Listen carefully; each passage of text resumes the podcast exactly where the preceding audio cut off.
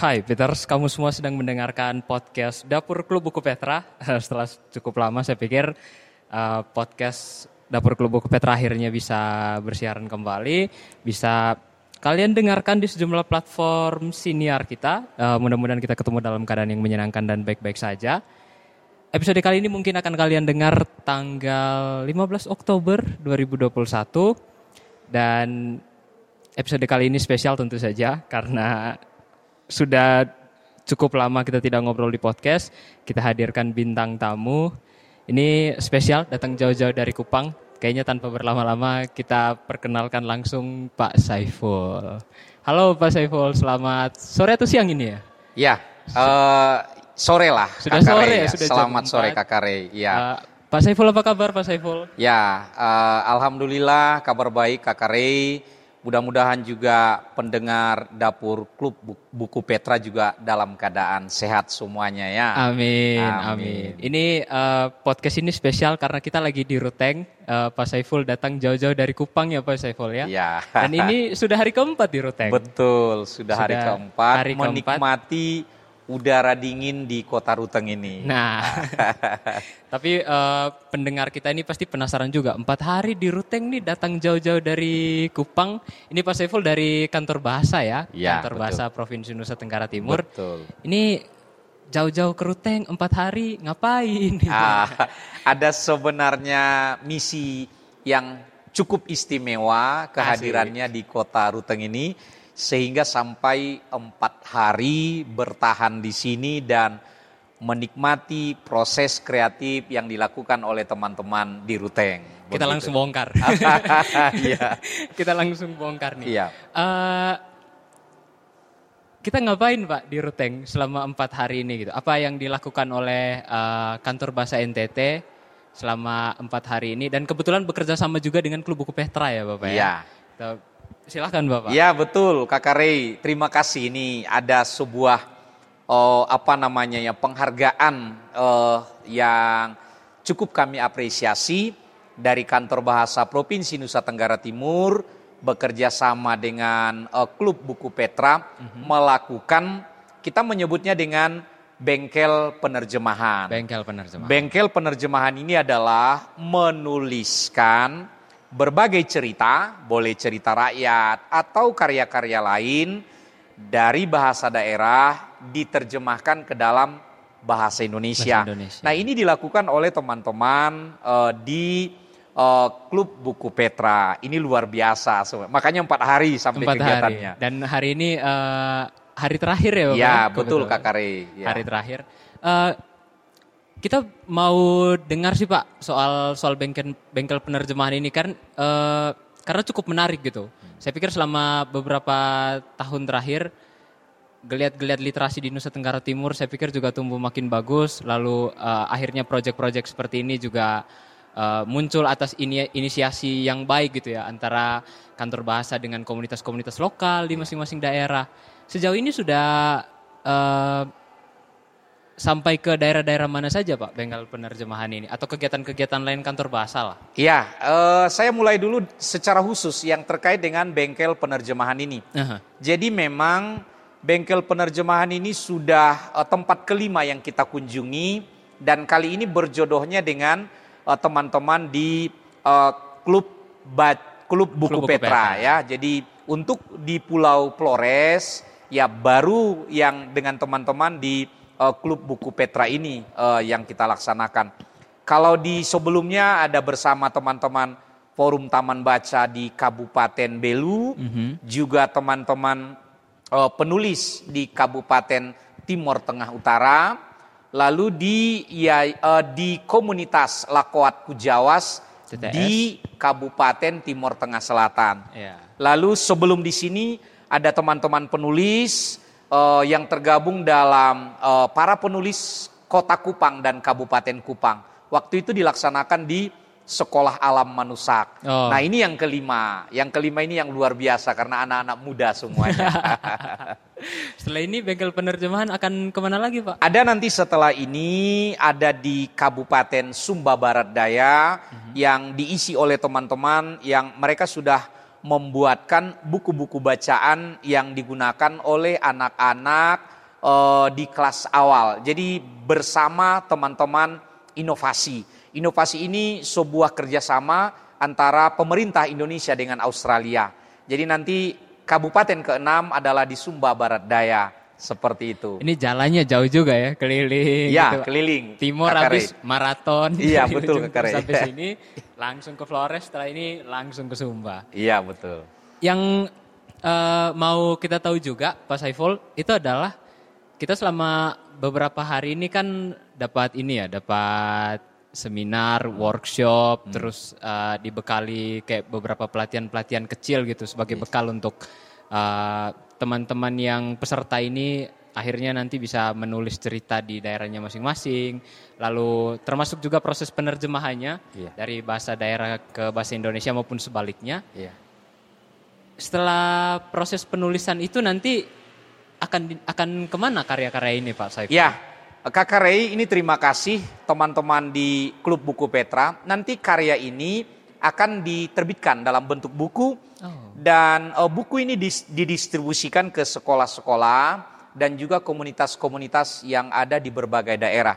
Jadi uh, yang kita tulis saat ini nanti menjadi bahan uh, bahan bacaan untuk mm-hmm. pengayaan uh, di anak-anak kelas awal di sekolah di seluruh provinsi NTT. Tapi tentu nanti kita kondisikan sesuai dengan wilayah pakai bahasa tersebut. Misal, buku-buku yang diterjemahkan dalam bahasa Manggarai nanti akan didistribusikan di seluruh wilayah yang bahasa itu dituturkan di wilayah Manggarai. Berarti Manggarai, Manggarai Barat, Manggarai Timur, atau nanti mungkin juga oh, di kabupaten lain yang masih ada menuturkan bahasa Manggarai. Manggarai. Jadi sehingga buku ini tersebar luas ke mana-mana. Seperti itu Kak Rey. Amin. Kita tunggu ya. Ini yeah. proyek yang sepertinya menarik sekali. Yeah. Uh, saya, itu tadi Pak, saya men, uh, tertarik karena memang bahan bacaan terutama untuk anak-anak dan kelas-kelas awal ya. Yeah. Ini memang sebuah tugas yang cukup berat. Yeah. Cukup kalau tidak bisa tidak mau dibilang berat itu cukup menantang juga gitu. Karena kerja-kerja literasi kan uh, harus kejar dari tingkatan-tingkatan itu dulu gitu. Yeah uh, sampai akhirnya mereka bisa dapat bahan bacaan yang lebih banyak lalu yeah. bisa terliterasi dengan baik tingkatan-tingkatan itu memang harus di, dikejar gitu. Ada segmen-segmen itu yang harus kita dapat. Ini uh, ada beberapa hal yang sebenarnya mena, uh, menarik minat saya juga. Terutama sekarang kan lagi di bulan bahasa ya. Yeah. bulan Oktober ini bulan Betul. bahasa. Yeah Uh, kantor bahasa NTT selain bikin bengkel penerjemahan ini itu mungkin ada kegiatan-kegiatan lain Pak Saiful yang mungkin mau di-sharingkan dengan teman-teman ya, pendengar uh, podcast. Khusus kegiatan bulan bahasa, kami menyebutnya dengan semarak bulan bahasa. Yang pertama yang terdekat nanti tanggal 13 khusus disiarkan dari Provinsi Nusa Tenggara Timur untuk disaksikan di seluruh tanah air. Nama kegiatannya Menjalin Indonesia dari Nusa Tenggara Timur. Nah, jadi kegiatan ini nanti uh, apa namanya semacam uh, kegiatan gelar wicara, talk mm -hmm. show gitu yang menghadirkan beberapa narasumber. Nah, kebetulan tema yang kita angkat hari ini terkait dengan pelestarian bahasa-bahasa yang hampir punah. Jadi ada nanti uh, narasumber Profesor Gary uh, Gary Holton dari Universitas Hawaii, kemudian juga ada Profesor Ali Humaidi dari Lembaga Ilmu Pengetahuan Indonesia mm -hmm. dan Ibu Dr. Jun Jacob dari Universitas Artawacana. Nanti kegiatannya itu pukul 13 Wita sampai pukul 15. Itu yang pertama. Lalu kegiatan yang lain yang dalam rangka menyemarakkan bulan bahasa ada nanti lomba mendongeng Mendongeng ini terbuka untuk umum, terbuka okay. untuk umum. Siapa saja boleh ikut, siapa saja boleh ikut, hanya saja dongengnya diperuntukkan untuk anak-anak PAUD. Oh. Jadi boleh dari guru PAUD sendiri, boleh dari orang tua atau siapa saja. Boleh dari teman-teman mahasiswa ikut nanti uh, mengadu kehebatan dalam mendongeng. mendongeng. Kemudian juga ada lomba menulis cerpen untuk mm -hmm. anak SMP kemudian lomba mengulas buku atau resensi buku untuk anak SMA, dan lomba pembuatan video pendek yang terkait dengan literasi. Nah, ini nanti semua akan uh, memasuki babak semifinal dan final mulai dari tanggal 25, 26, 27, 28 sampai nanti penutupannya 29 Oktober. Acara puncaknya sebenarnya di 28 Oktober itu. Begitu Kak Kare. Gila, produktif sekali ya kantor bahasa NTT ini uh, teman-teman pendengar podcast kita, Peters kita menyebutnya uh, pendengar podcast Klub Buku Petra. Hmm. Nanti setelah mendengar uh, informasi dari Pak Saiful, nanti mungkin bisa langsung ke media sosialnya ini ya kantor bahasa NTT ya, betul. di Facebook, Instagram. Betul. Ini event yang bagus sekali mengisi bulan bahasa dan eventnya ini daring ya Pak ya? Maksudnya ya, ketika... uh, ya untuk untuk mengakomodasi teman-teman dari yang luar Kupang dan Kabupaten Kupang, kita buatkan daring. Jadi karena ini kan seprovinsi NTT. Ya. Jadi yang dari luar Kupang pun tetap bisa mengikutinya dan seleksinya sama.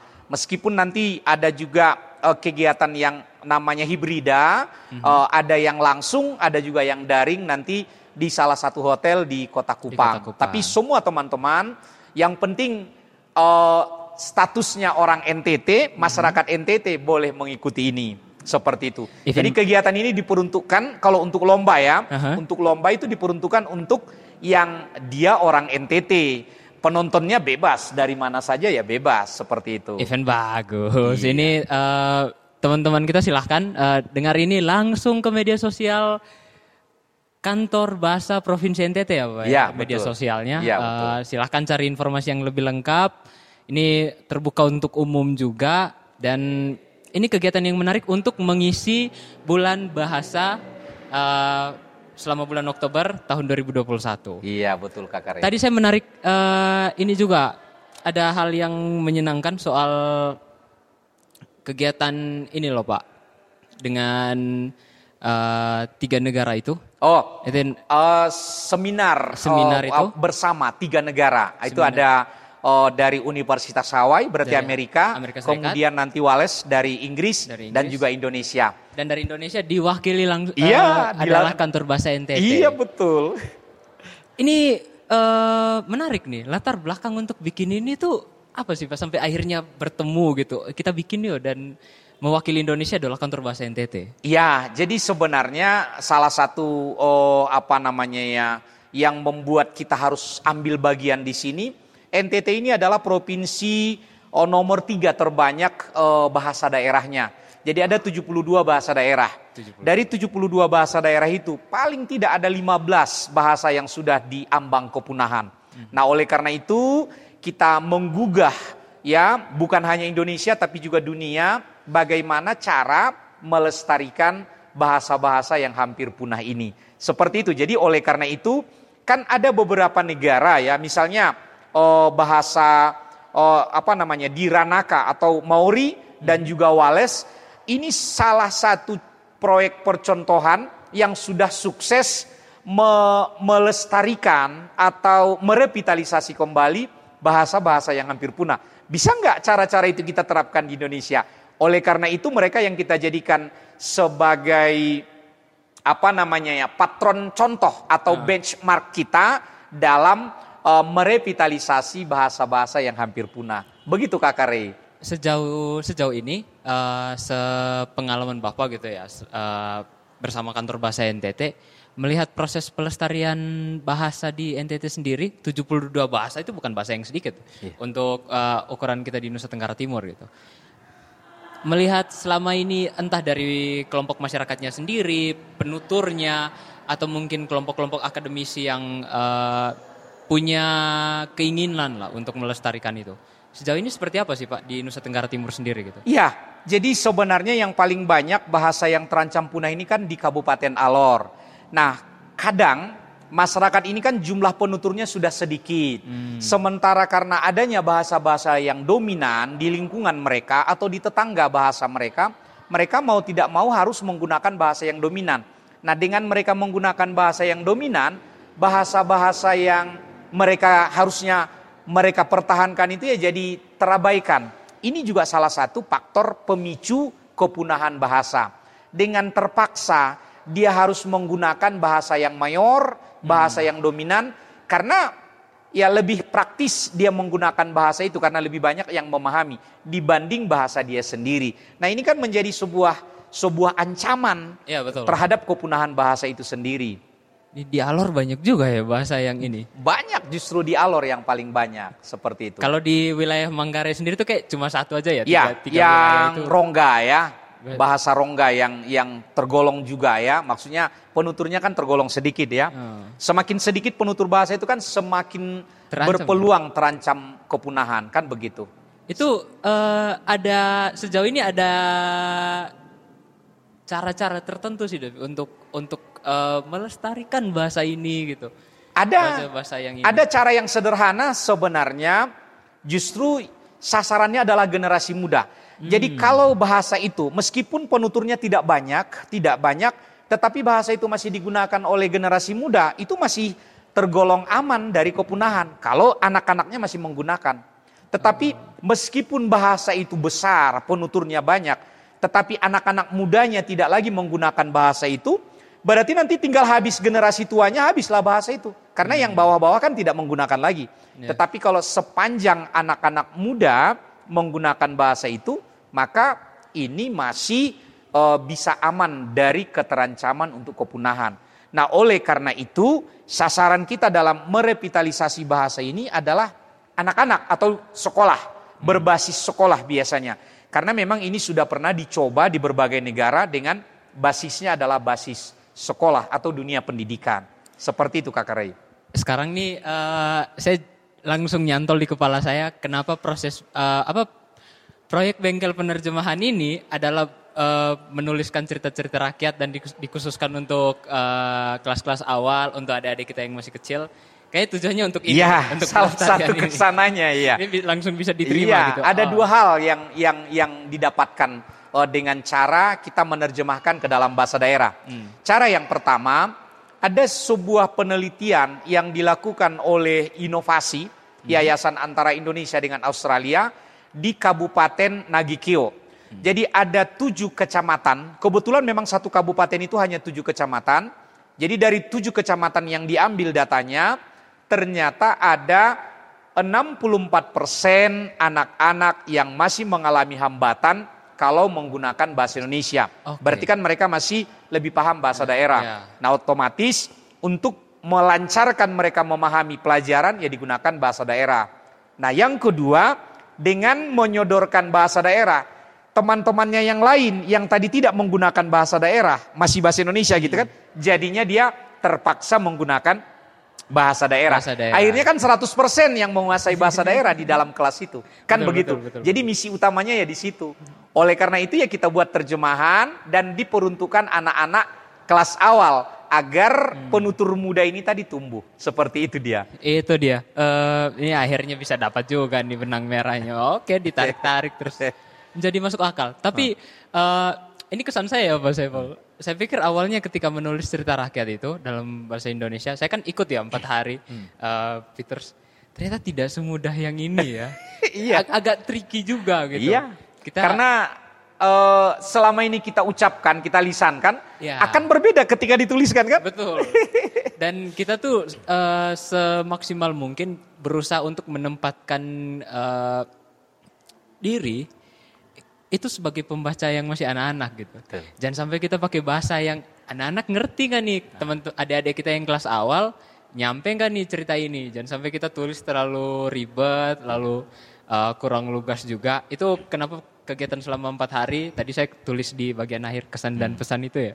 Hmm. saya tulis ini kegiatan seru dan menyenangkan, mudah-mudahan diperpanjang dan yeah. ada lagi gitu. Iya, yeah, yeah. Ini kira-kira akan jadi proyek jangka panjang tidak? Iya, betul. Karena Badan Bahasa juga sudah memberi lampu hijau tentang ini. Oh, di 2022 uh, kegiatan seperti ini akan tetap uh, kita lanjutkan dengan hari yang ditambah. Jadi harinya lebih banyak lagi, biar lebih uh, lebih banyak karya yang didapatkan, kemudian lebih fokus dan tentu kita lebih uh, meningkatkan kualitasnya kan karena yeah. bacaan ini kan bukan hanya sekadar kita tulis tapi harus enak juga dibaca oleh anak-anak. Berarti kan Betul. kan harus ada kurasi, harus ada uh, apa namanya ya pemikiran tersendiri seperti apa kalimat-kalimat atau paragraf yang akan kita tuliskan. Kan begitu ya? Termasuk teman-teman di sini juga uh, sekalian riset juga gitu. Iya, riset ada risetnya, kemudian teman-teman dibekali juga Betul. bagaimana pengayaan kalimat dan bagaimana uh, pilihan-pilihan kata dan penuangan gagasannya kan dalam cerita-cerita yang dibuat begitu. Ya, ini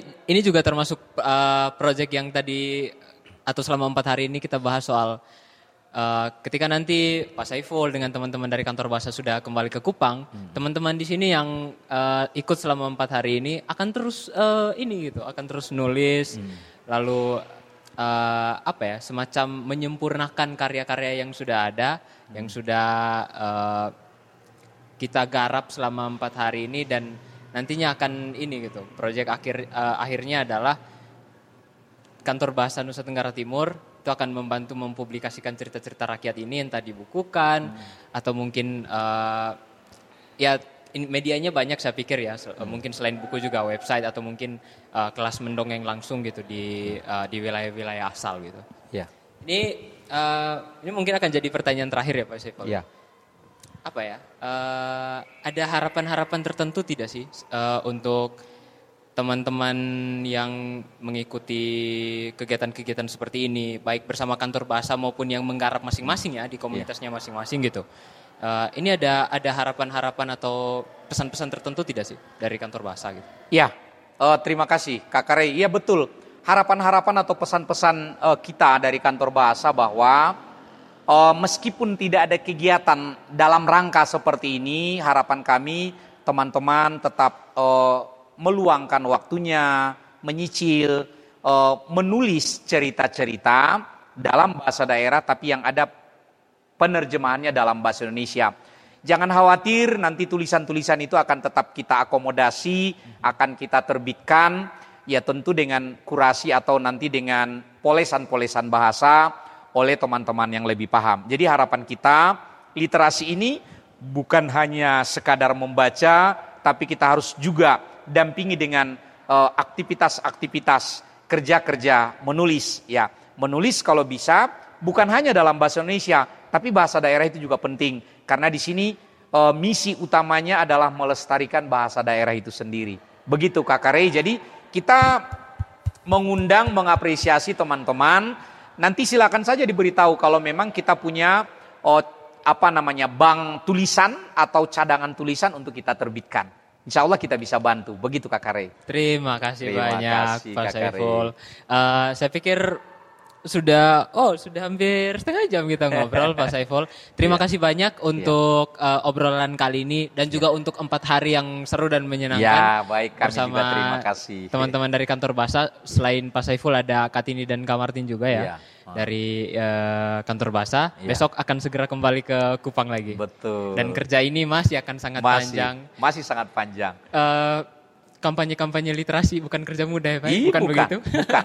Dan dibutuhkan volunteer-volunteer yang yang Betul. tangguh untuk ini Itu dia. karena Setuju. tidak ada gajinya, tidak ada uang yang didapatkan, melainkan hanya kepuasan batin saja. Ya, ada perasaan bahagia oh, gitu ketika oh kampanye ini akhirnya berjalan dan iya. kita bisa dapat uh, apa gitu ya, semacam kepuasan, kepuasan dan kebahagiaan yang, ya. Yang bukan material. Iya gitu. betul. Yang ya. bukan material. Ya. Kalau kita adik-adik sudah dapat bahan bacaan bagus dan mereka sudah terliterasi dengan baik. Iya betul. Kita su bisa dengan lega bahwa oke okay, bu adik-adik aman so. Iya, Ketika kami betul. sudah tua kita sudah tidak khawatir ah, iya. soal mereka. Minimal ini yang kita wariskan buat mereka untuk kenang-kenangan. Kan begitu. ya. Pak Saiful sekali lagi terima kasih banyak. Ya, terima kasih semoga kembali. besok perjalanannya menyenangkan kembali ya. ke Kupang. Terima kasih banyak juga Peter sudah uh, mendengarkan podcast episode kali ini adalah obrolan yang menyenangkan. Uh, semoga kita semua dapat pesan-pesannya. Jangan lupa ini adalah bulan bahasa. Uh, selamat merayakan bulan bahasa. Tema bulan bahasa tahun ini adalah berbahasa sehat Indonesia tangguh. Pak yeah. Saiful terima kasih banyak. Ya terima Peters, kasih Kak terima kasih banyak. Salam sehat selalu untuk seluruh Peters. Mudah-mudahan kita uh, tetap diberi kekuatan dan uh, kelancaran dalam setiap aktivitas kita. Amin. Ya, amin. amin. Terima kasih banyak. Terima kasih See banyak. You.